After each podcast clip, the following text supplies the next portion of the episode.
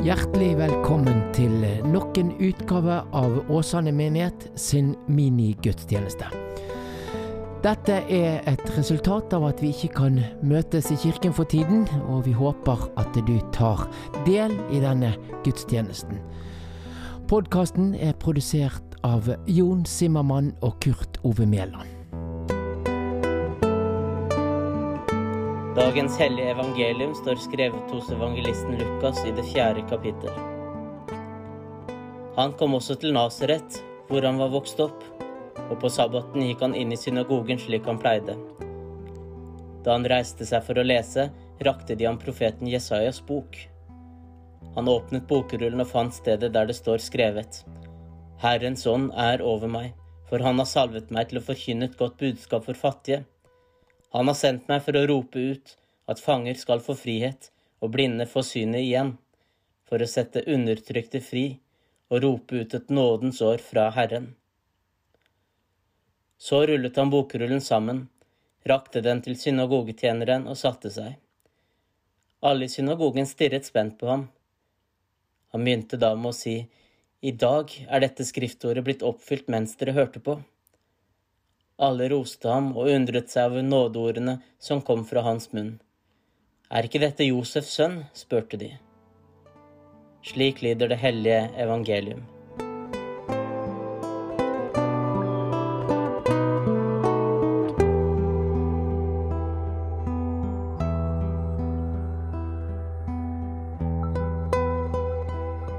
Ved et årsskifte er det naturlig å ha forventninger.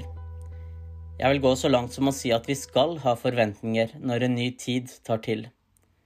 Og i dag er det nyttårsdag i kirkeåret vårt. Første søndag i advent er nettopp første søndag i kirkeåret. Bak oss ligger hjulet vi kjenner igjen av advent, høytid, faste, påske, pinse og treenighetstid. Kirkeåret skiller seg ut fra kalenderåret ved at den setter Jesus som sentrum. For med Jesu ankomst begynner også en ny tid for alle kristne, en tid fylt med forventning. Og forventningene var ikke noe mindre da Jesus var menneske og levde her på jorda. I prekenteksten i dag får vi en fortelling om når Jesus er i Nasaret. Bibelen sier ikke så mye om Jesu oppvekst og hans forhold til hjemstedet, men at Jesus vendte tilbake til sitt hjemsted fra tid til annen, det bekreftes flere steder i evangeliene. I Nasaret trer Jesus fram på jødedommens arena ved å lese ord av profeten Jesaja og bruke disse ordene direkte om seg selv. Ved sitt liv, sin død og oppstandelse endrer han jødedommen innenfra og skaper den kristne kirke, som er hans egen kropp, hans eget legeme i verden. Når Jesus ankommer synagogen, er dette starten på en ny tidsalder. At Jesus gir seg til kjenne på denne måten, er så betydningsfullt at det er nødt for å defineres som starten på noe nytt, akkurat som nyttårsdagen innleder kalenderens nye år. Første søndag i advent har alltid dette lyset over seg at Jesus gir seg til kjenne som Guds sønn. Og de fremmøtte menneskene i synagogen i Nasaret er vitne til en verdenshistorisk begivenhet. De hører Guds røst i Jesu menneskelige stemme. De vet det kanskje ikke selv, men de fornemmer så sterkt at øynene deres henger ved Jesu munn mens han leser de gamle profetordene.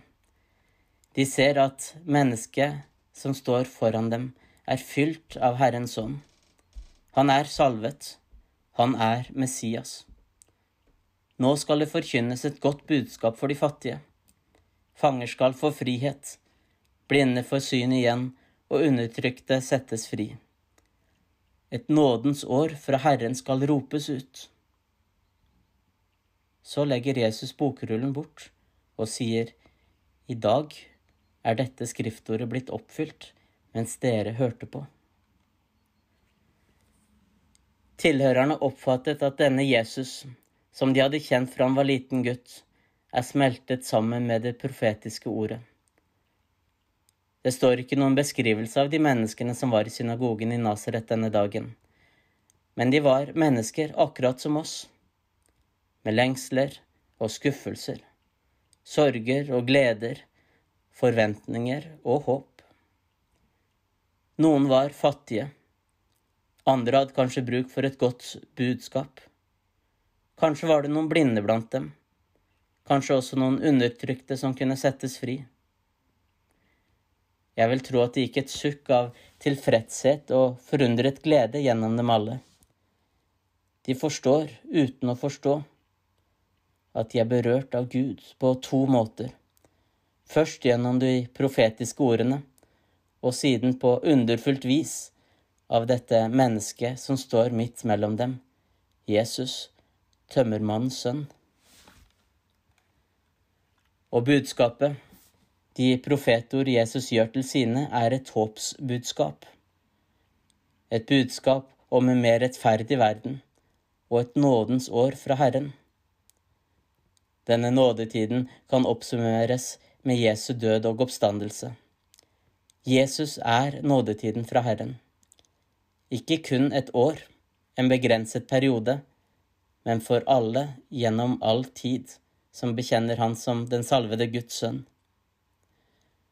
Adventstida som vi nå går inn i, er en tid hvor profettekstene skal få bli gitt et ekstra fokus eldgamle tekster som handler om Jesus, og som når sitt høydepunkt i halmen i stallen i Betlehem, og når Jesus trer fram som seirende og oppstått på første påskedag. For profetiene om ham handler om hva Gud gir oss, om veien Jesus går fra krybben til korset for å åpne himmelen for oss. Så står han der, tømmermannens sønn, fra den vesle byen Nasaret, og erklærer seg selv for oppfyllelsen av profetiene. Ikke akkurat uydmykt, men samtidig full av ydmykhet. For det er i de fattige, de fengslede, de blinde og undertrykte at Jesus åpenbarer seg. De som trenger et godt budskap, gode nyheter, et evangelium. Så er vi vel alle på en eller annen måte fattige, fengslet, blinde eller undertrykte, for vi trenger alle det nådeåret som blir tilsagt oss. For Jesus kom til alle folkeslag gjennom alle tider. Julens budskap har ikke gått ut på dato. Jesus er ikke bundet i den fortellinga vi kjenner så veldig godt fra Betlehem. Han er levende og virksom også i dag. Også i dag taler han til oss profetord, gode nyheter, et evangelie om nåde og håp. Og også dette kirkeåret skal vi få starte med å la oss bli grepet av Guds storhet gjennom mannen fra Nasaret. Og dette er et evangelium som skal få gi oss glede, gi oss håp og trøst, nåde og frelse til generasjoner også etter oss. For Herrens ord varer til evig tid. Ære være Faderen og Sønnen og Den hellige ånd, som var, er og blir, en sann Gud fra evighet og til evighet. Amen.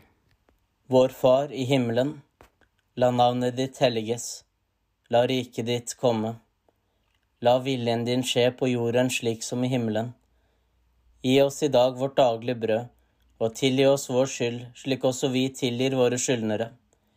Og la oss ikke komme i fristelse, men frels oss fra det onde. For riket er ditt, og makten og æren i evighet. Amen.